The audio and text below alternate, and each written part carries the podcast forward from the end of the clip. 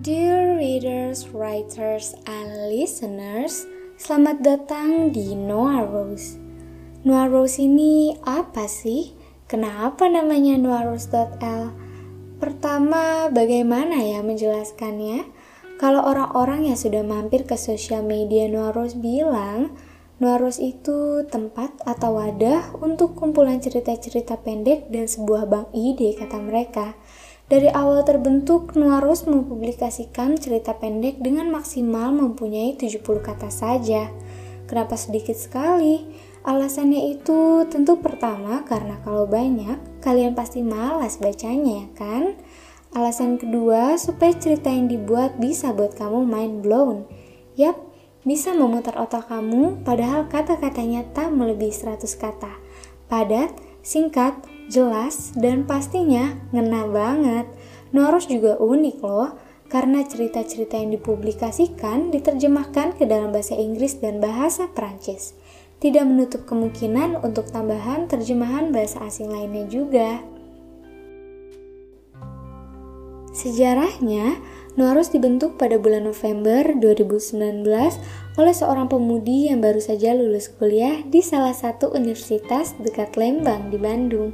Sudah lama ia mempunyai angan-angan untuk menulis cerita yang keren, bak C.S. Lewis, yang dapat membawa pembacanya pergi sejenak ke dunia imajinasi.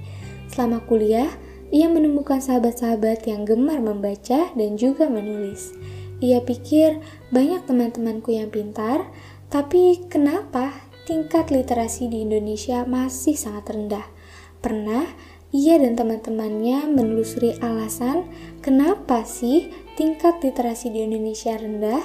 Ternyata banyak sekali faktornya, mulai dari sulitnya akses untuk mendapatkan buku-buku berkualitas hingga alasan paling akhir yang mutlak yang tak bisa kita pungkiri, yaitu banyak dari orang Indonesia yang malas untuk membaca dari sinilah akhirnya Noah Rose terbentuk.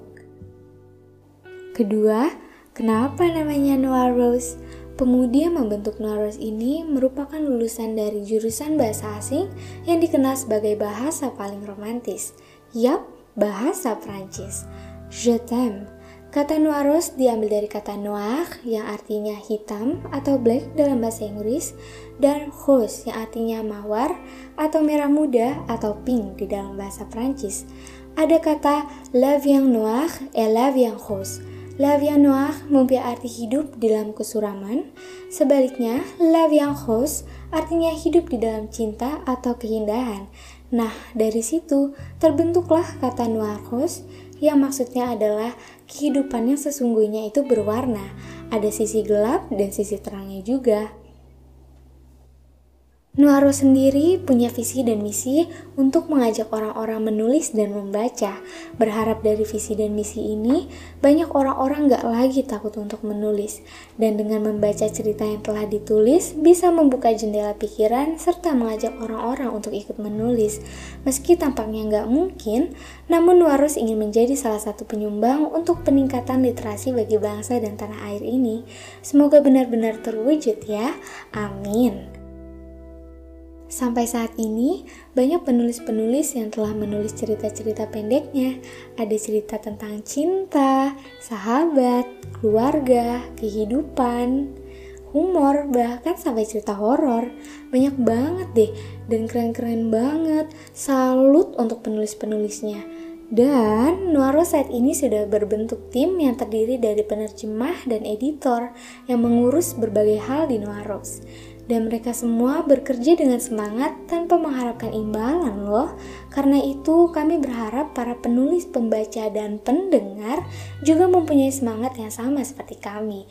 Yuk sama-sama kita berjuang bagi tanah air kita. Bagi kamu yang tertarik untuk menulis cerita pendek, langsung aja klik link yang tertera di bio Instagram dan Facebook kami ya.